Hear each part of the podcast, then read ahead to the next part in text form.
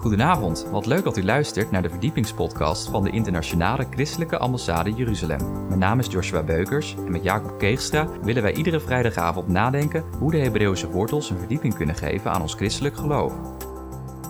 In deze aflevering gaan wij het hebben over Jeruzalem, de stad van God, van Abraham tot David uit het Oude Testament. Wij wensen u veel luisterplezier. Mensen, het lijkt wel een klaslokaal. Ja. Dan willen zijn. Ik ben dat gewend. Ik heb al een paar uur les gevraagd. Dus, uh, maar, een klaslokaal betekent niet de docent, maar tegenwoordig de studenten gaan aan het werk. Precies. Dus ik hoop dat uw uh, uh, zwaard uh, getrokken is. Het woord van de Heer. Ja? Hij is wel erg ingeblikt, ik wil horen. Hij is is ingeblikt, maar oké, okay, komt te woord. Jongens, ik heb per half november bij jullie in de gemeente CCZ al iets over Jeruzalem verteld. Dat hebben jullie natuurlijk allemaal opgeschreven en drie keer onthouden en vier keer herhaald. Oké. Okay. Ik zal er kort iets van herhalen om het allemaal weer een beetje helder voor de te krijgen. En dan een stap verder. Het mooie van zo'n studie is dat je gewoon uh, wat meters kunt maken. Dat je gewoon even door kunt gaan. We hebben zelfs geen pauze, want uh, we gaan gewoon lekker door. Um, alleen, het draait niet zomaar om Jeruzalem bij God. Jeruzalem is de kroon van het koninkrijk van God. Als Jezus op aarde is, toen hij op aarde was, had het nooit over zichzelf. Van uh, look me en uh, hij sprak altijd bekeert u, want het. Oké, okay. dus Jezus en zijn voorganger Johannes de Doper hadden het niet over zichzelf, maar hadden het over het koninkrijk van God of koninkrijk der hemelen. En Jeruzalem is de kroon op dat koninkrijk. Maar een koninkrijk heeft verschillende elementen. Dat is ook in Nederland zo. Het draait natuurlijk om een koning.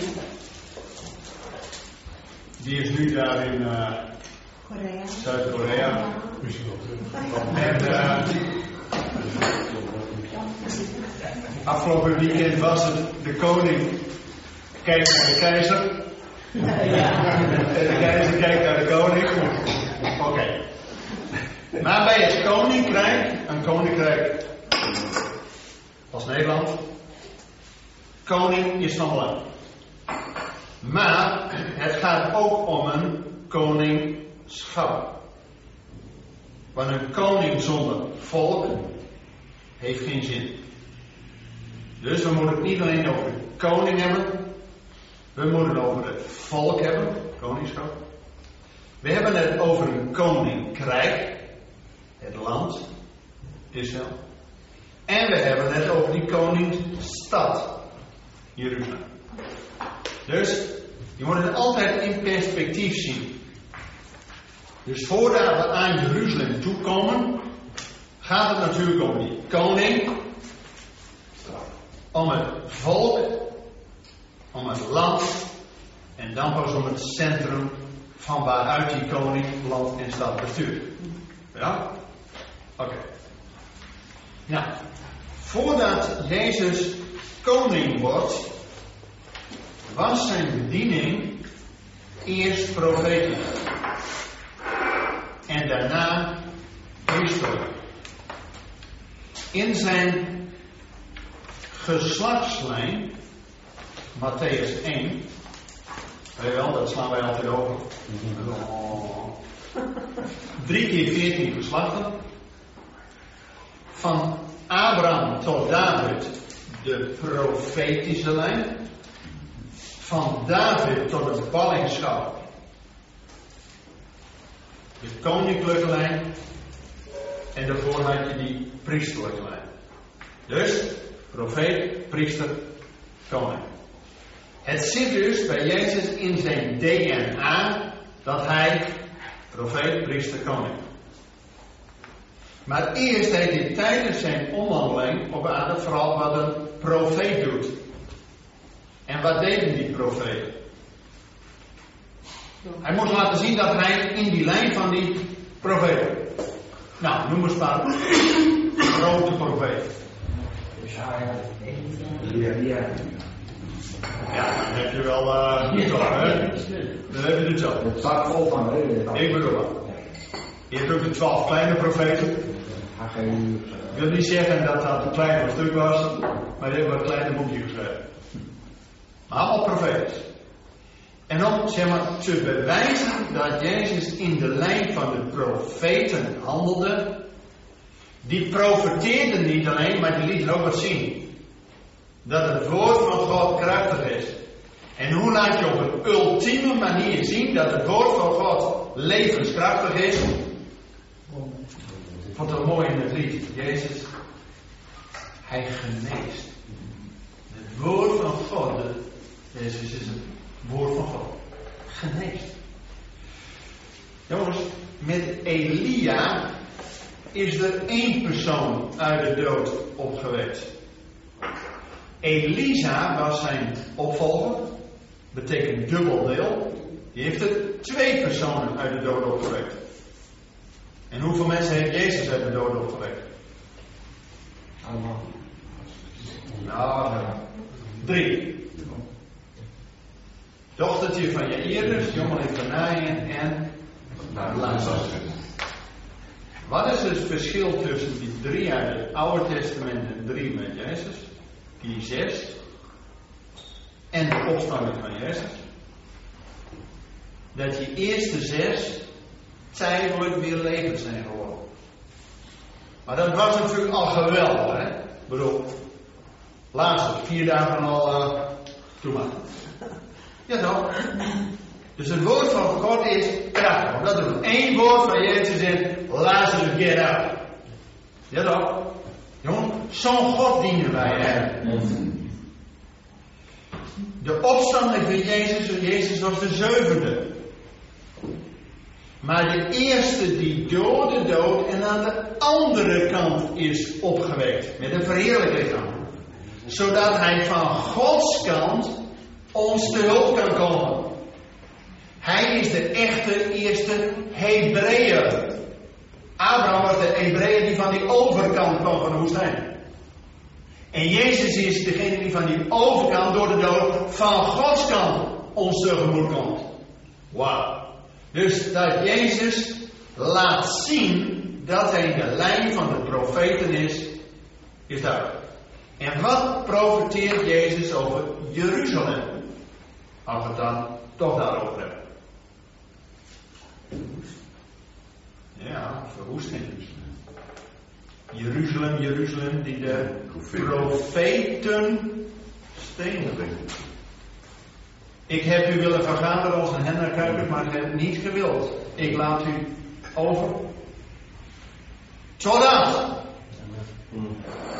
Jongens, bij God is het nooit een punt, sloes, afgelopen, ik ben slecht, zondag. En je hoeft nee. Het is een komma. Totdat. Profetisch vers dit, totdat gij zegt, gezegendheid die komt in de naam Heer. Baruch haba Hashem Alleen tegen wie zegt Jezus dat? Nee. Even precies.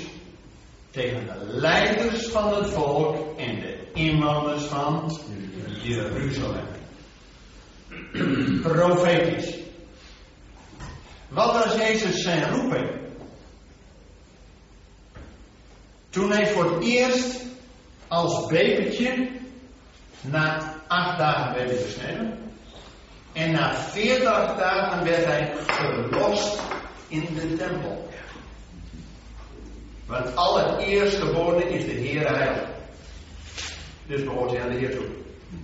Maar omdat hij onze verlosser is, moet hij gelost worden. En Jozef en Maria waren arme mensen. Dus twee lui. Maar er zijn die twee ouden vandaag die toevallig op het moment dat Jezus in de tempel kwam, weet je wel hè? Twee ouden vandaag die aan onze cultuur een beetje aan de kant staan. Maar in de Bijbel laten zij hun licht schijnen als lantaarnpalen langs de weg, zodat het kindje zijn roeping voort kan gaan. Welke drie dingen profiteren zij over het kindje Jezus? Lucas 2, leest het altijd nog eens. Hij zal zijn licht tot openbaring voor de volkeren. De tweede is heerlijkheid voor zijn volk Israël. En de derde is verlossing van Jeruzalem. Hé, hey, zie je dat door de bediening van Jezus? Na zijn dood en opstanding. Het evangelie is de volkeren is ingegaan, licht er openbaring van eigen. Inmiddels is God bezig met fase 2 zijn volk te herstellen, zodat de Shekinah glorie, de heerlijkheid van God overheen gaat komen. Maar het gaat uiteindelijk om Jeruzalem. Dus niemand de deur uit voordat we het daarover gaan hebben. En we weten, voordat Jezus koning wordt op zijn troon en al die volken voor zijn troon zijn, logisch, het evangelie voor de eerste wereld Logisch. Want anders, als al die volken voor zijn troon staan en zeggen, leuk dat u er bent. Maar wie bent u? Ja, ik zeg hier, maar het gaat het dus duidelijk, hè? Alle volken moeten gelegenheid hebben. Weet dat het evangelie met het, naar het westen is gegaan, met de zon mee. Jeruzalem, Judea, Samaria, Klein-Azië, door Paulus naar Rome, zelfs tot Spanje toe. Door Columbus, een bekeerde Jood, is het naar Amerika gegaan. En in de vorige eeuw met de opwekking van de Azusa Street, Los Angeles, is het vuurtje nu van de evangelie Brazilië, waar al 30 jaar lang een opwekking is. Er wordt daar ieder uur van de dag een kerk geopend. Zo. En uh, ze schaatsen daar nou, daar in Zuid-Korea. Maar in Zuid-Korea zijn de grootste kerken ter wereld, hè? De ene kerk van Yom Cho heeft 800.000 leden. Dus wat voor visie je voor gebouw hebt, je kunt het nooit in. Dat is jaar dus half te klein Dus dan gaat gewoon zondagochtend, 8 uur komt de eerste 100.000. Die gaan om 9 uur naar koffie en dan ga je de volgende. Jongens, als je dan dit stond hebt, ben je niet alleen, hè? Duidelijk, hè? Jongens, het vuurtje van het evangelie is nu in China. Is al 10% van de Chinezen is christen.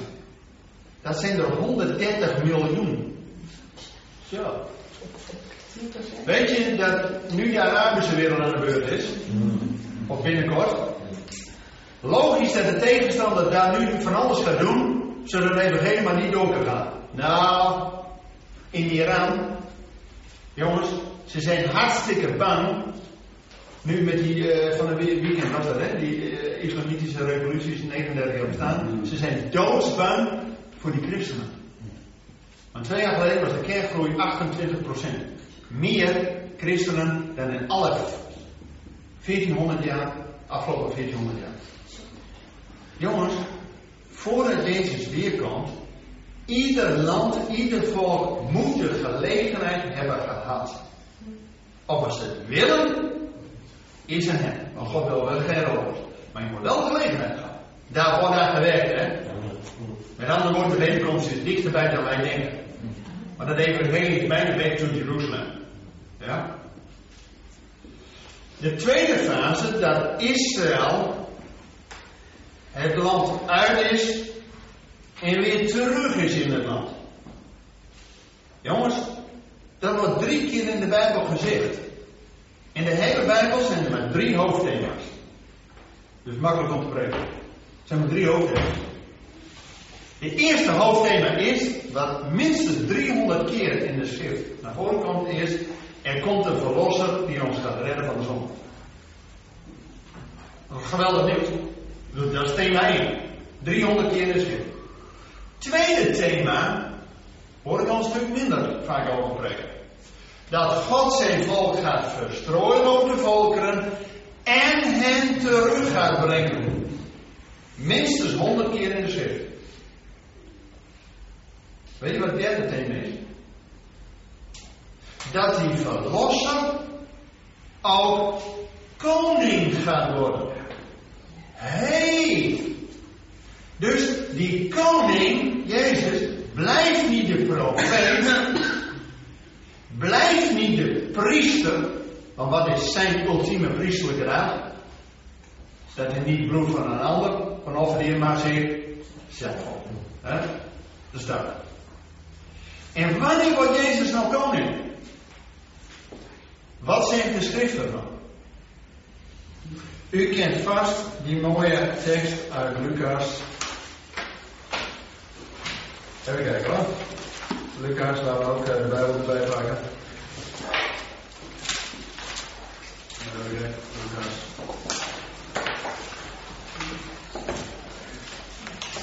Over die uh, ver, uh, gelijkenis van de ponden. Ja, Lucas 19, vers 15. Lucas 19, vers 15.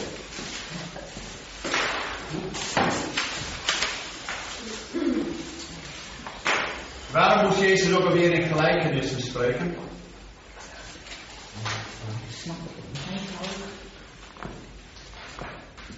Nee. Juist niet omdat het eenvoudig is. Tuurlijk, die verhalen over de ponden en verloren penniske en over de zaaier, die gaan erin als koek. He, iedereen snapt En toch snapt niemand het. Want wat staat er bij die profeet Jezaja? Jezaja 6, bij de roeping van Jezaja. Dan vraagt God, wie zal voor ons gaan, wie zal mijn woord verkondigen? En zegt Jezaja, hier neem ik, hier ben ik. Zegt God, prima.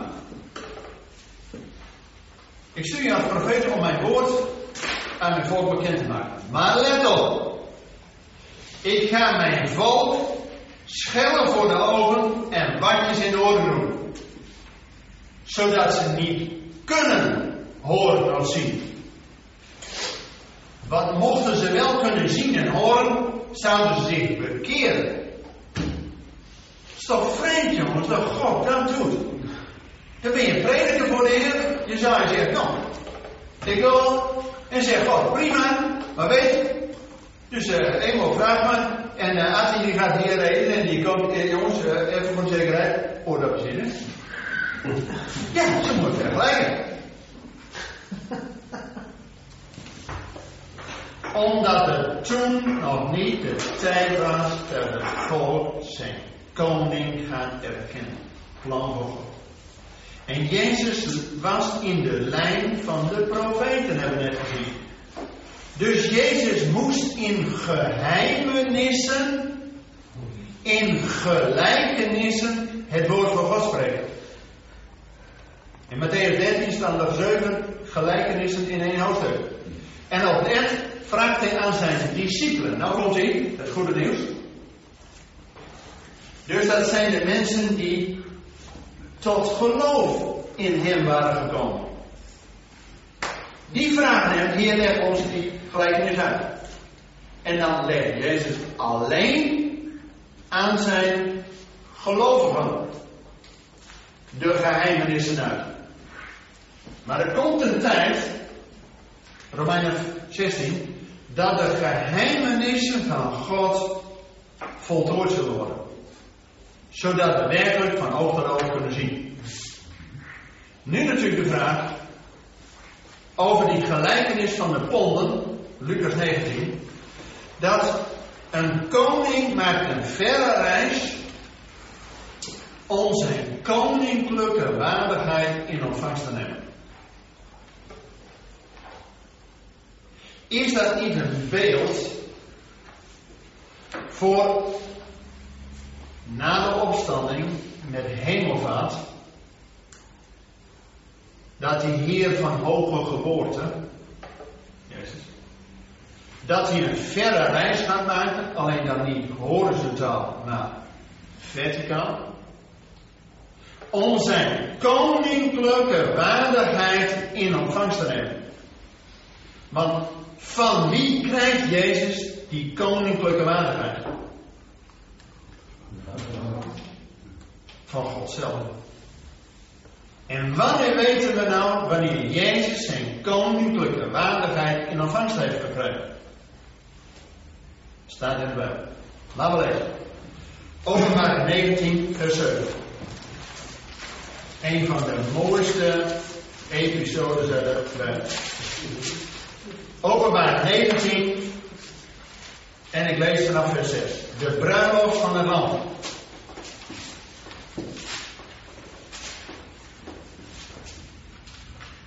En ik hoorde zoiets als een geluid van een grote menigte en een gedruis van vele wateren, een geluid van een zware donderslag.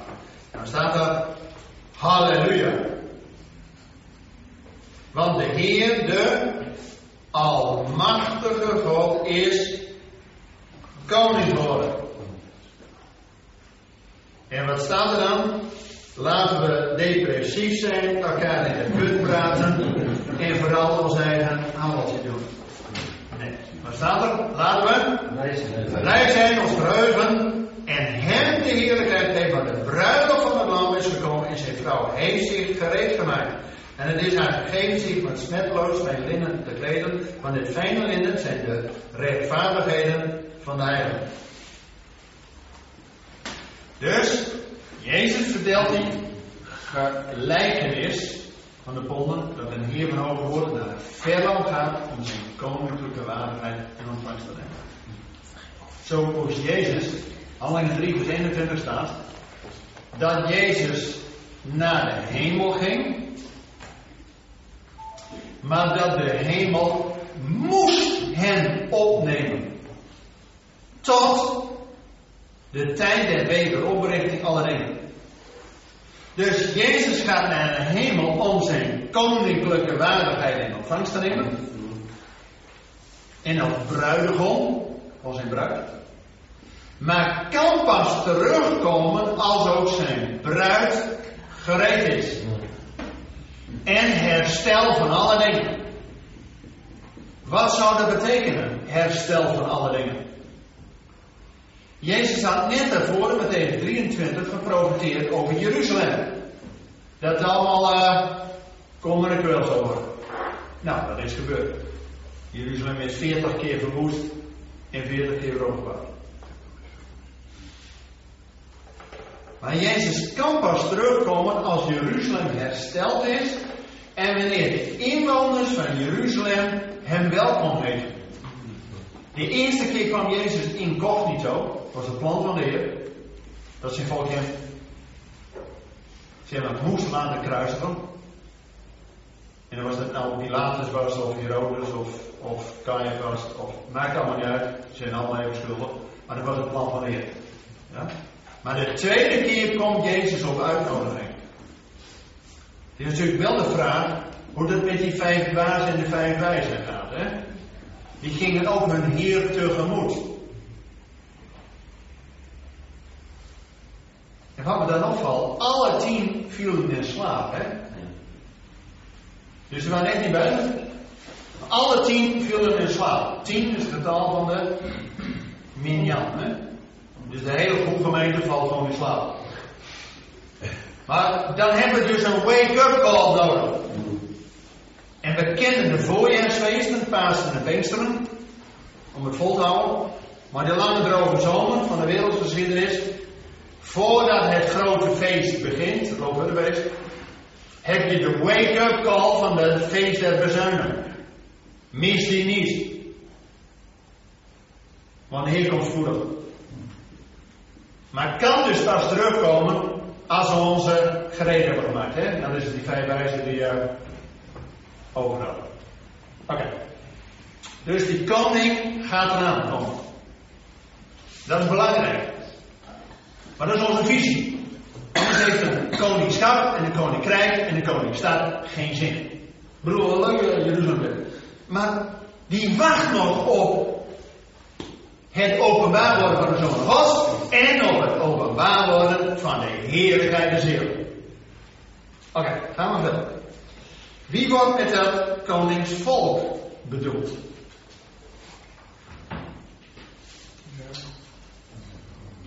Nou, laten we kijken wat de Bijbel ervan zegt.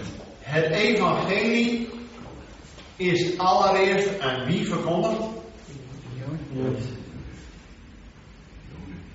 Nou even precies. Is dat niet? Ja, is er. Ja, dat is duidelijk niet in. Wat zegt de schrift? Gelaten 3 vers 8. Om de heidenen met het evangelie te bereiken, heeft God allereerst het evangelie aan Abraham verkondigd. Abraham is de vader der gelovigen. Niet alleen de vader van, niet alleen de vader van Abraham, Isaac en Jacob van Israël, maar als wij geloven in Jezus, die 100% Joods is en in de lijn van Abraham, ik noem ook.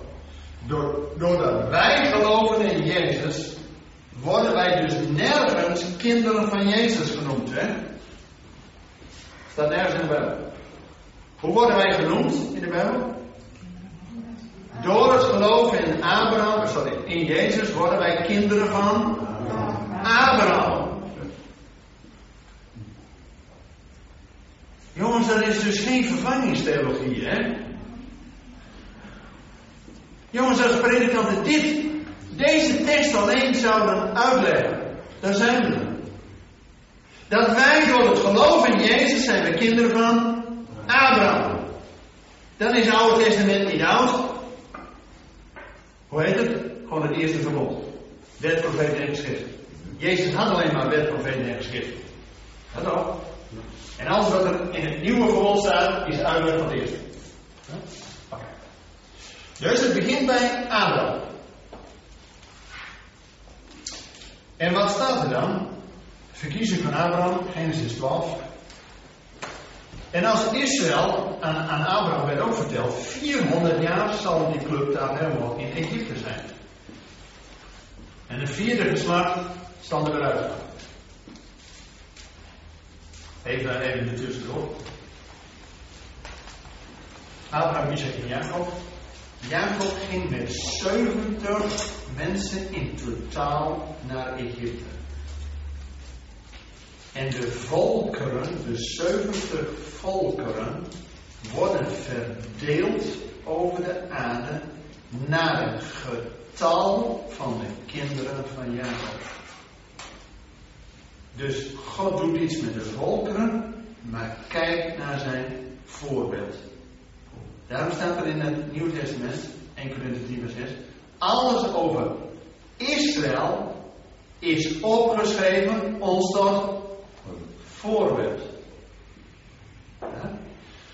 Waarom moest God dan ook Abraham vanuit Babel, uit zijn familie, naar het beloofde land brengen? Waar was dat nou goed voor?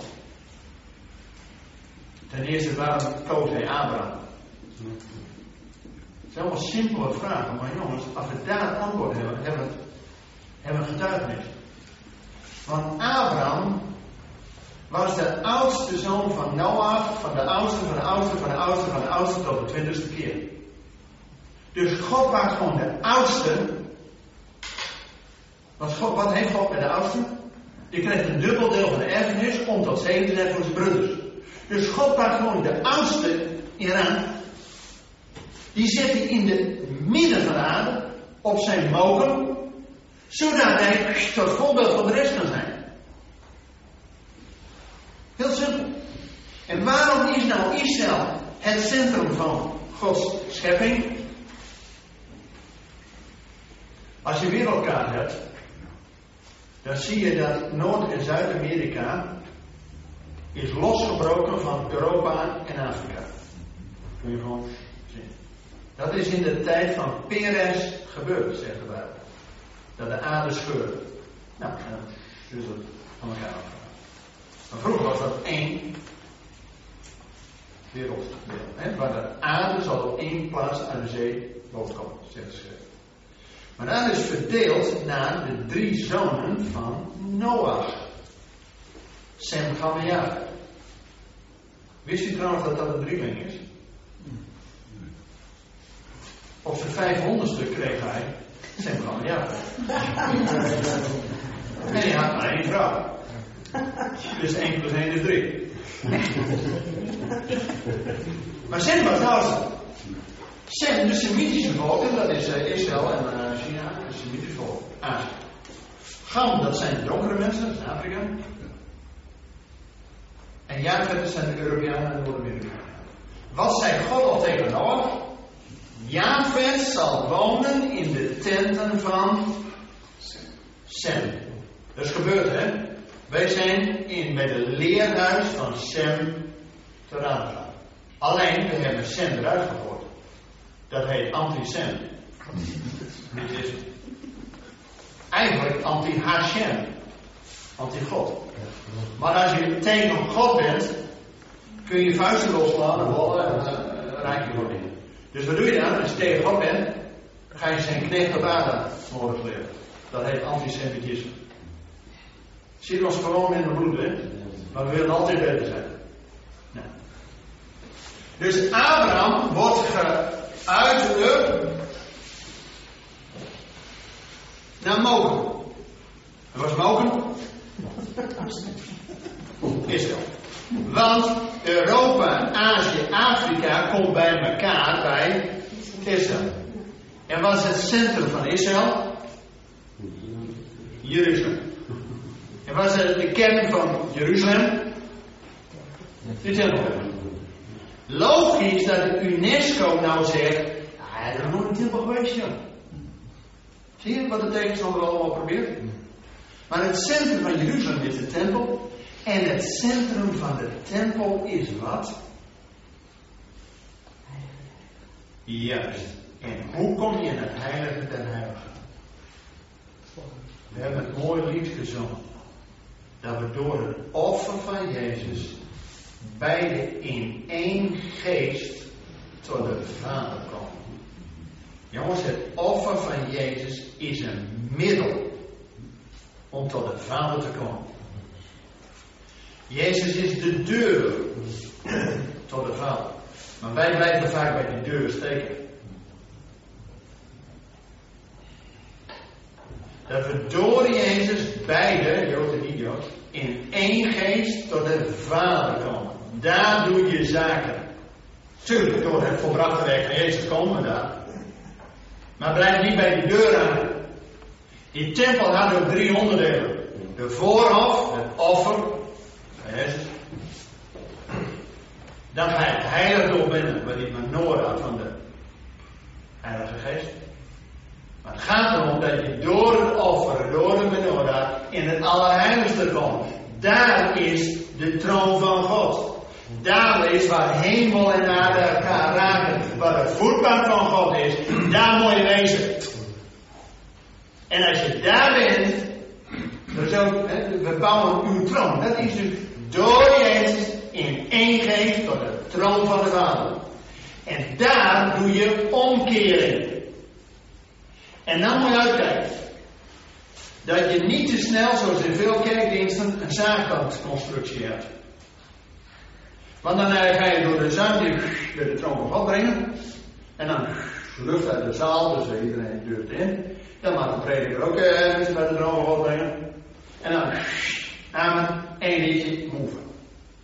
Kijk uit. God geeft ons twee middelen om het vol te houden in deze wereld. Twee troosters. De trooster en die andere trooster. U weet wie ik bedoel. Jezus en Heilige Geest. Als je eerst tot de troon van God komt, daar verzoend en alles bent, dan kun je omkeren te zoeken. Wat is dan jouw ruggengraat, jouw fundament? Wat beschrijft je van achter? God himself. God de Vader. Dan doe je één stap en dan ben je in het heiligdom. Dat die menorah niet eens in elkaar maar volledig gaat branden. Waar het hart over is, stroomt de mond van open. Dan weer één stap verder ben je in die voorhoofd. Dat je bekleed wordt met Christus, de wapenrusting van God aandoet. Zodat je van binnen en van buiten beschermd bent. De wapenrusting is ter verdediging. En er is niks wat je rug verdedigt, daarom moet God zelf de verdediging zijn. En er is maar één aanvalswapen, en dat is het zwaard van de geest, dat is het woord van God. Dus geest in je, bekleed met Christus, maar het enige waar je mee aan kunt vallen is Jezus en Heiligheid. Samengevat in dit boek. Jongens, anders hou je dat niet vol. Anders is het avond van de preek nog niet uit. Je bent nog niet op het kerkplein of de vijand heeft het staat alweer veroverd. Oké. Dus het volk van God. Wat heeft God aan Abraham beloofd? Een land en een volk. En als ze bij elkaar komen, kun je een vuurwerk verwachten. Alleen de eerste keer moest het volk 400 jaar in Egypte. Maar uit Israël, eh, uit Egypte heb ik mijn eerstgeborene geroepen, zegt God, Israël. Later gaat die Messias van Israël diezelfde weg. Ook uit Egypte geroepen. En hij is pas Israël. Na 400 jaar zijn de zonden van de Amorieten vol. 400 met Hebreeuwse oren is de laatste letter van het alfabet, de taf. Getalswaarde 400. Wij weten uit de Bijbel, Jezus is de alfa en omega. Hij is de lijstman en de voleinde van mijn geloof. Hebreeën 12. Maar dit alfa en omega, dat is Grieks. In het Hebreeuws heet dat Alef en de taf. Nou, dan denk je, dat is precies hetzelfde A en Z. Nee, maar in het Hebreeuws zit er ook een getalswaarde aan. De Alef is nummer 1. Nou, wie is onze nummer 1? Jezus. Gaat voor ons uit. Maar hij is ook die 400. Dus na 400 jaar zegt Jezus gewoon: get out uit Egypte. En die farao wil dit. Die heeft nog niet eens een zwemdiploma. Waar heb ik het over? Als Jezus zegt move, dan is move. Want wie ging met hem mee? Die wolkolom en die vuurkolom, die rots die met hem mee ging. Stond er maar zeggen. Notabene, nou komt hij. Ze werden allen in de wolk en in de zee gedoopt. Zo. Hoeveel waren dat? Van 600.000 man. Nou, dan heb je er ook 2,5 miljoen. Werd in één nacht gedood. Nou, dat is vies. Ja. Zo God hebben we nou. Dat is visie. Nou wij dan.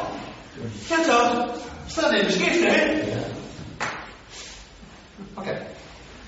De vierde generatie ging eruit. Maar de vijfde generatie heeft pas intocht in het beloofde land. Weet je, toen God een verbond met Abraham sloot, moest hij vijf dieren nemen.